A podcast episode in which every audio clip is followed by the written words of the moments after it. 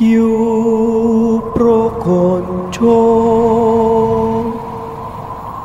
padha rumono. Aku duwe carita. Mrono mrene. Ana mrene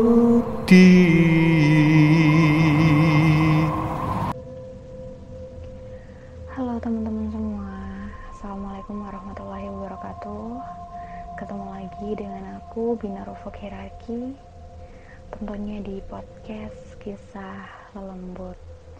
Nah jadi Gimana nih kabar teman-teman hari ini? Semoga selalu dalam keadaan sehat Semoga selalu dalam keadaan baik Dan semoga selalu dalam lindungannya. Amin. Eh, dengan suasana yang baru, dengan nama podcast yang baru, ya podcast Kriya Cerita eh, berganti nama dengan podcast Kisah Lembut.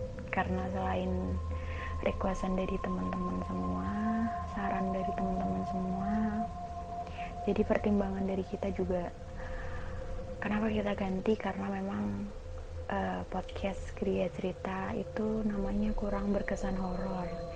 Karena kita berfokus atau terfokus pada satu cerita yaitu cerita-cerita tentang horor. Jadi kita ganti namanya dengan podcast kisah lembut supaya kesan horornya lebih dapet gitu. Nah di kesempatan kali ini aku bakal bawain cerita sendiri karena sesuai dengan request teman-teman semua yang katanya kangen sama aku kangen waktu aku siaran sendiri. Nah sekarang aku kabulin nih permintaan teman-teman semua. Jadi kali ini aku bakal bawain cerita sendiri gitu tanpa partner aku. Muhammad Ainul yakin ya ya udahlah ya biar dia rebahan dulu dan ada beberapa yang perlu aku sampaikan ke teman-teman. Jadi uh, begitu podcast kita ganti semuanya juga ganti. Dan begitu juga dengan email yang untuk mengirim cerita. Jadi untuk teman-teman semua sekarang kalau ingin berbagi ceritanya lewat email itu di podcast kisah gmail.com gitu. Nah untuk teman-teman semua yang sudah mengirimkan cerita atau pengalamannya di email kriacerita@gmail.com itu bisa kirim ulang ke email podcast kisah lelembut at gmail.com atau bisa lewat DM Instagram di at podcast kisah lelembut gitu dan gak lupa aku juga mau mengucapkan terima kasih buat teman-teman semua yang sudah mengirimkan ceritanya ke email kita, ke email podcast kisah lelembut. Insya Allah kalau kita ada kesempatan kita pasti bacain uh, ceritanya satu persatu dan mohon bersabar karena memang cerita yang masuk itu banyak sekali dan perlu aku ingatkan juga ke teman-teman semua uh, kalau bisa uh, ketika mengirimkan cerita itu uh, harus cerita pengalaman real atau pengalaman nyata dari kalian sendiri supaya nggak kena copyright. Jadi uh, cerita yang teman-teman kirimkan bisa kita bacakan gitu. Karena ada beberapa cerita yang ternyata itu kutipan dari buku atau uh, ya sumber-sumber yang mungkin sudah menerbitkan cerita itu gitu. Jadi biar teman-teman nggak capek ngetik nggak capek uh, apa ya menyampaikan mengungkapkan gitu ya. Jadi biar nggak sia-sia ya kalau bisa ceritanya cerita pengalaman teman-teman sendiri gitu. Jangan mengutip cerita orang lain gitu Nah, itu sekedar informasi aja. Jadi supaya ke depannya cerita yang teman-teman kirim pasti kita bacakan gitu. Nah, mungkin itu beberapa informasi yang perlu aku sampaikan dan sekarang aku bakal masuk ke ceritanya. Di sini aku mau bawain cerita dari Nisa. Terima kasih buat Nisa yang sudah mengirimkan ceritanya. Dan ya, kita langsung masuk aja ke ceritanya.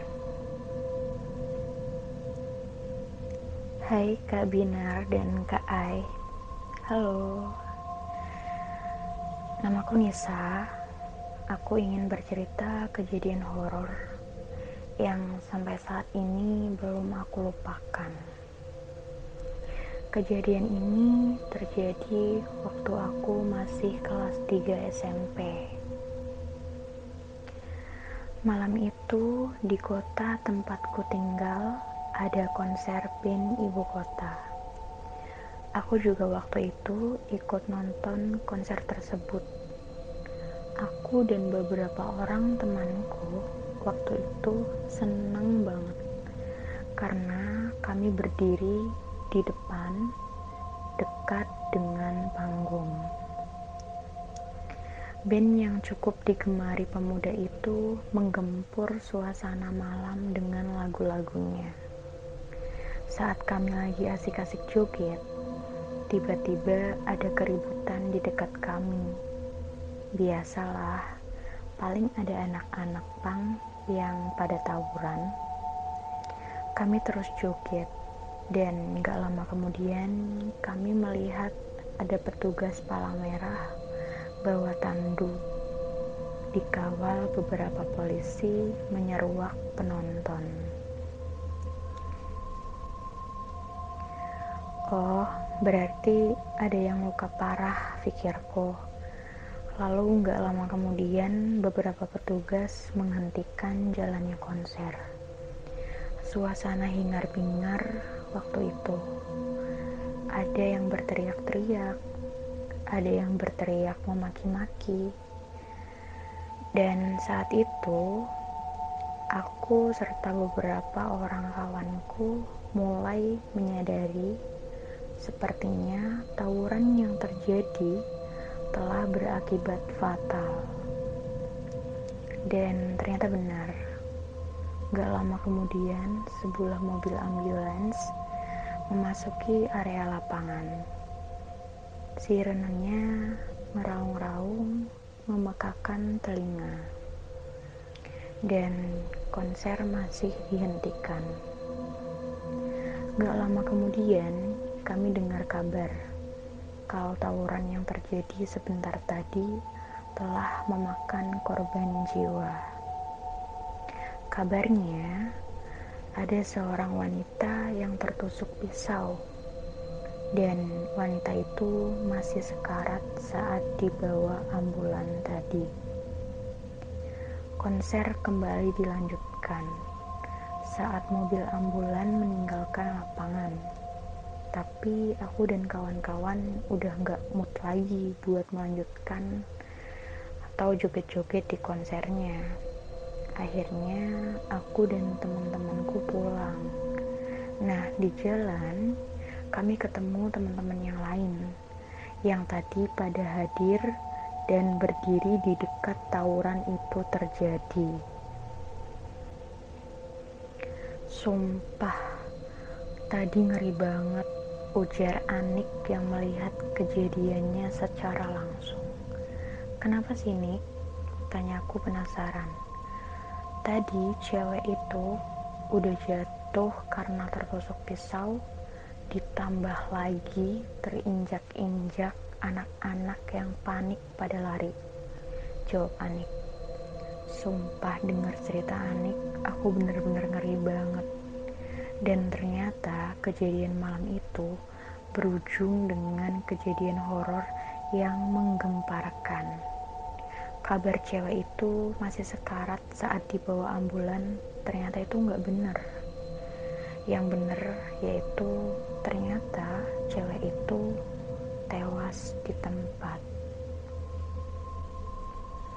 Setelah kejadian itu, Ternyata banyak orang yang dilihatin sosok hantu wanita yang lagi joget-joget di lokasi terjadinya peristiwa berdarah itu. Lapangan itu cukup ramai kalau malam. Banyak anak-anak muda yang duduk-duduk di pinggir lapangan. Sehingga gegernya hantu cewek yang joget-joget di lapangan itu cepat menyebar ke mana-mana. Beberapa orang kawanku juga membenarkan hal itu karena katanya mereka benar-benar lihat sendiri ada sosok wanita yang tiba-tiba muncul sambil joget di tengah lapangan. Sampai di suatu pagi, aku sendiri yang benar-benar melihat jelas banget sosok hantu itu. Pagi itu sehabis subuh, cowokku mengajak jalan-jalan. And for your information, rumah cowokku tepat di sebelah rumahku. Jadi kami memang gampang banget kalau mau ketemuan. Dan setiap habis subuh, kami memang biasa jalan-jalan untuk menghirup segarnya udara pagi. Gak biasa-biasanya kami jalan-jalan ke lapangan, karena emang jarak ke lapangan dan rumahku itu cukup dekat. Gak biasa-biasanya juga lapangan pagi ini benar-benar sepi banget. Di situ gak ada orang sama sekali. Yang ada cuman aku dan cowokku. Saat kami lagi jalan memutari lapangan, tiba-tiba aku melihat sosok atau seseorang yang sepertinya lagi joget di tengah lapangan. Aku langsung keinget kejadian beberapa hari yang lalu. Dan saat aku menyampaikan apa yang kulihat sama cowokku, ternyata dia sama sekali nggak melihat yang aku lihat.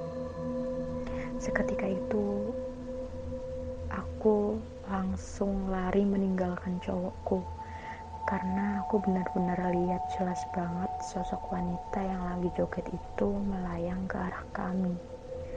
Aku benar-benar takut banget melihat sosok itu. Dan sampai sekarang aku masih suka merinding kalau ingat kejadian itu.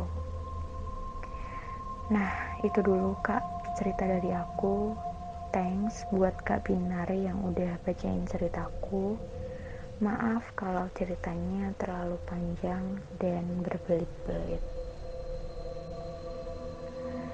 Nah, itu cerita dari Nisa. Uh, jujur, aku sendiri baca ini aja itu merinding banget gitu. Apalagi kalau misalkan aku yang mungkin ada di posisi dia gitu pasti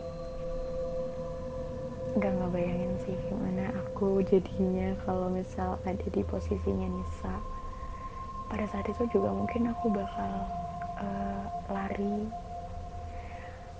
Atau mungkin aku gak bakal mau datang ke lokasi itu lagi. Karena ya itu mungkin pasti apa ya uh, kayak ada trauma tersendiri sih. Apalagi kalau misalkan mungkin pada saat itu uh, aku lihat kejadiannya itu udah gitu aku juga lihat hantunya gitu. Karena itu pasti serem banget sih. Apalagi itu cewek kan gitu. Kayak nggak bisa ngebayangin sumpah kasihan banget sih tuh ceweknya. Jadi ya di sini juga ada pelajaran juga uh, buat teman-teman yang mungkin suka nonton konser. Itu harus hati-hati karena ya pasti uh, di dalam konser itu pasti ada tawuran pasti gitu. Jadi ya hati-hati aja gitu. Dan untuk hantu atau sosok itu hmm, kenapa ya? Uh, setiap peristiwa yang mungkin di dalamnya itu ada korbannya otomatis kan hal itu mungkin uh, kejadian yang kita nggak inginkan gitu. Nah terus misalkan ada korban jiwa yang harus kehilangan nyawanya lah ya. Itu kenapa pasti arwahnya itu selalu kayak gitu? Ibarat kayak dia uh, belum tenang atau mungkin dia belum sepenuhnya pergi itu kenapa ya? Ada mungkin ada teman-teman yang tahu uh, kenapa hal itu bisa terjadi gitu loh. Kenapa setiap kejadian yang merenggut korban jiwa yang tadi aku bilang dan pasti arwah si korban itu masih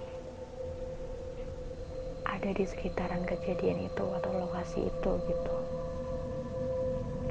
atau mungkin kita harus mengirimkan doa atau mungkin kita harus gimana. Tapi yang pastinya sih kita harus mengirimkan doa ya mungkin. Jadi mungkin supaya uh, si korbannya itu juga uh, lebih tenang gitu ya di sana di alamnya sekarang. Tapi jujur aku ngebayanginnya sih sedih banget gitu ya kayak ya walaupun tahu sih mungkin kalau itu udah takdirnya ya pasti mau gimana pun kita dalam posisi apa pun ya pasti bisa gitu loh kita bisa pergi gitu untuk selamanya pasti gitu kan. Karena semua orang juga pasti akan kembali ke sang pencipta gitu ya cuman emang itu serem banget gitu loh. Kayak udah tertusuk dan dia terinjak-injak sama penonton yang lain yang lagi panik buat ngehindarin tawuran itu. Gitu aduh sumpah sih. Merinding semua nih tanganku